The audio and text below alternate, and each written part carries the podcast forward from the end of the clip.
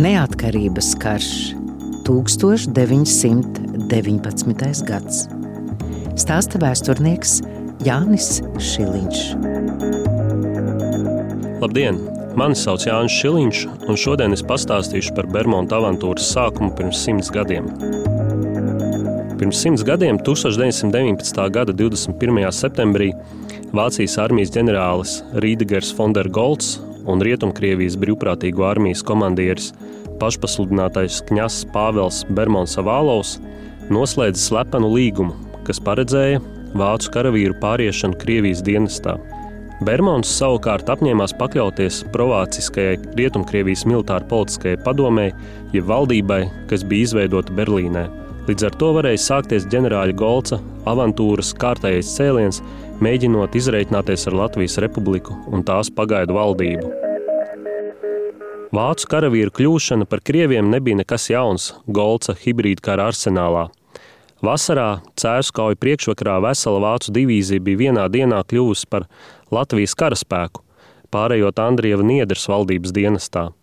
Niedri bija piešķīris Latvijas pavalsniecību arī Landesvēra komandierim, Vācijas armijas majoram Alfredam Flečeram. Tāpat iespēju kļūt par Latvijas pilsoni apsvēra pats ģenerālis Golds. Tomēr Flečers, Niedra un Golds cēsu kaujas zaudēja, un viņiem bija jāmeklē jauna izkārtne, ar kuru turpināt savas ģeopolitiskās spēles. Par šādu izkārtni kļuva Bermuda Krievu nodaļa, kas bija saformēta no Krievijas armijas gūstekņiem Vācijā un jūnijā pārcelt uz Jālgavu. Tā kļuva par savu veidu sūkli, kas uzņēma sevī daudzus Krievu brīvprātīgos, kas devās uz Igauniju, lai cīnītos ģenerāļa Judeniča armijā un mēģinātu ieņemt Petrogradu. Šajā armijā iestājās arī daudz Vācijas karavīru, kur vēlējās palikt zemgalē un kurzemē.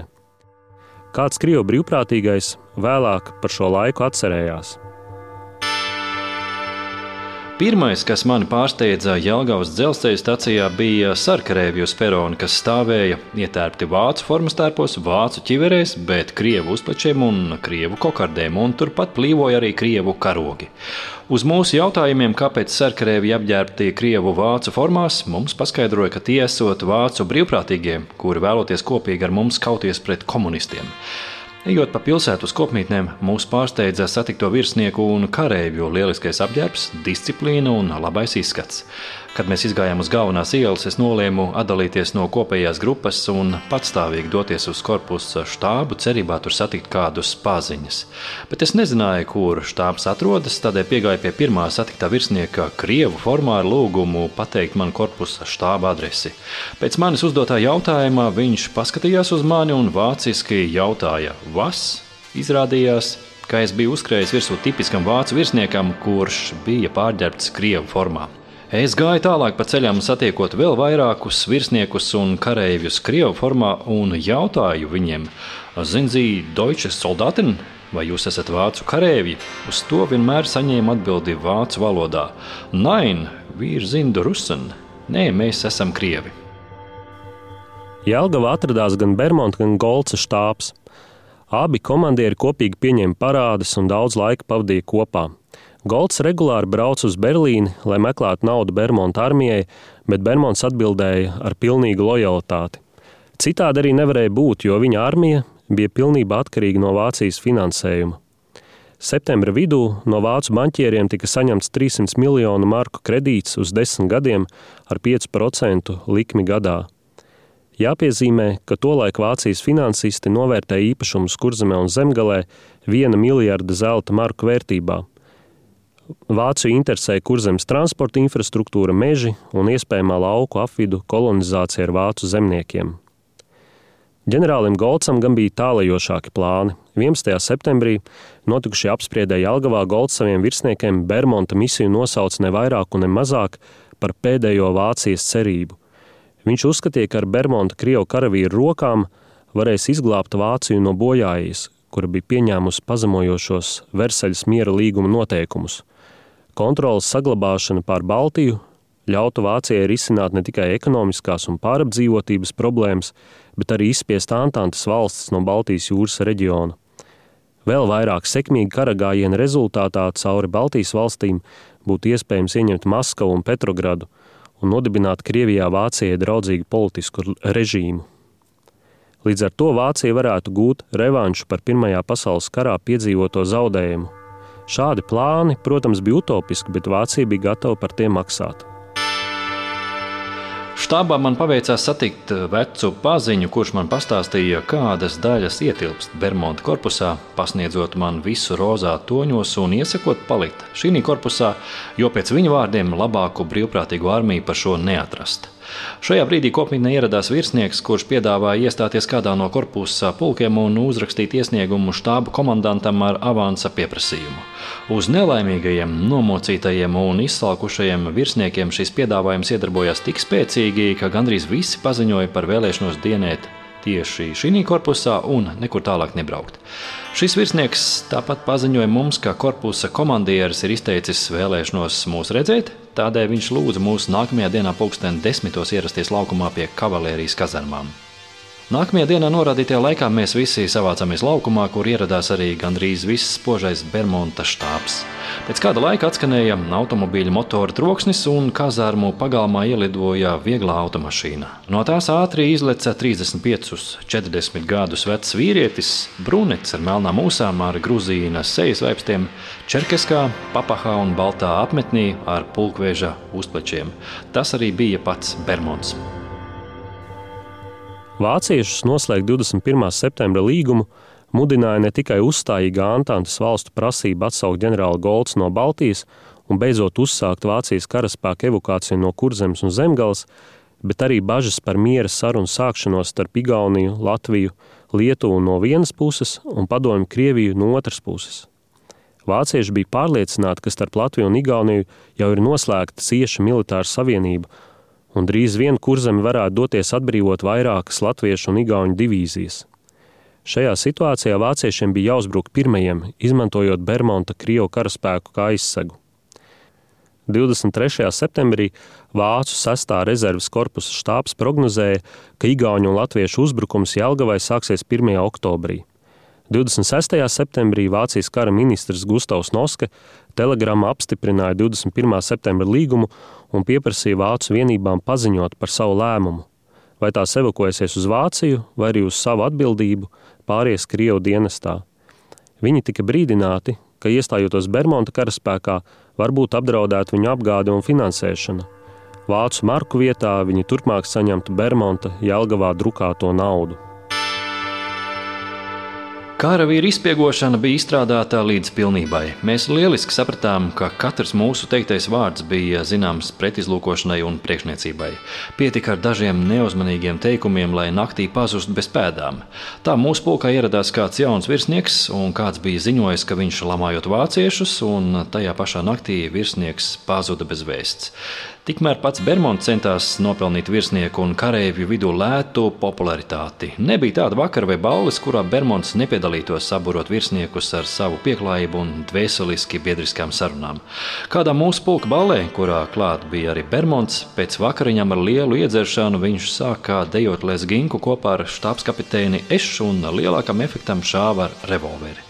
Pēc vairākiem šāvieniem Ešs izrādījās ievainots. Viņu aizsūtīja uz hospitāli, uzrakstot ārstam, ka viņš pats sevi netīšām ievainojis.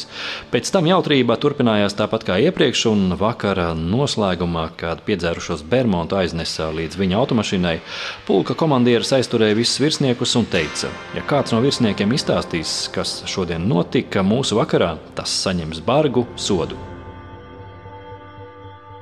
Līdz ar 21. septembra līgumu un ģenerāļa Golsa atsaukšanu no kurzemes, kur gan pēc paša Golsa vārdiem neviens nav uztvērs nopietni, formāli noslēdzās Vācijas okupācijas periods kurzemē un zemgalē. Visa agrāk Vācu okupētā teritorija tagad it kā nonāca Rietumkrievijas it kā valdības pārziņā, kuru it kā pārstāvēja Bermons. Protams, šāda politiskā kombinācija bija klāja avantūra, kura varēja turpināties tikai balstoties uz militāru pārspēku. Golds nepamatot uzskatīja, ka 26. septembra lēmums dos jaunas iespējas Krievijas projekta sekmīgai tālākai attīstībai, jo viņa aiziešana ēnā mazinās spiedienu no sabiedroto valstu puses. Viņš nosauc vēl vairākus faktorus, kur bija nepieciešami viņa plāna īstenošanai - nauda, panākumi kaujas laukos, apgādes uzlabošana, vairāku pieredzējušu Vācijas armijas ģenerālštāba virsnieku iegūšana, kā arī Antantes valstu piekāpīgāka nostāja. Neko no šī visa gan neizdevās īstenot. Līgums starp Golds un Bermontu ļoti satrauc Latvijas un Igaunijas valdības. Rīgā, Tallinā un Berlīnē bija skaidrs, ka uzbrukums Latvijas galvaspilsētā ir nenovēršams. Bermonta finanšu komisijas priekšnieks Berlīnē Andrejs Remmers regulāri interesējās, kad tad Krievija armija beidzot ieņems Rīgu. Bija skaidrs, ka pēc Rīgas ieņemšanas bermontiešu izredzes saņemt dāsnāku finansējumu strauji pieaugtu. Dzīve Jālgavā ritēja savu ierasto gaitu, paretam to pārtrauca parāds un skatis, bet te pēkšņi iedzīvotāju vidū sāka klīst baumas, ka ārpus pilsētas gandrīz katru dienu atrod noslapkavotus nezināmus cilvēkus. Tiesa gan avīzē Mītavas vārds par to neko neziņoja, arī no civilās un militārās varas puses netika spērti nekādi soļi slepkavu meklēšanai. Bet tad vācu pavēlniecību un vācu baltu sabiedrību ārkārtīgi satrauc kāds jauns atgadījums ārpus pilsētas atrada nošautus divus vācu virsniekus, kuri bija visai labi zināmi Jālgavā un kas dienēja vācu pretizlūkošanā. Nu, slepkavu meklēšanai vācieši ķērās klāt enerģiski un drīz vien viņu pūles atmaksājās. Septembra beigās vai pašā oktobra sākumā es biju pulka dežurants. Aptuveni 11. naktī no pulka štāba pa telefonu man nodeva komandieru rīkojumu, lai es ņemot dežurējošo karavīru vadu un vairākus virsniekus un dodos pie pilsētas komandanta. Stipri uztrauktais komandants pavēlēja man aizvest vadu uz štāba ēku un nolikt pie durvīm pa diviem sargiem.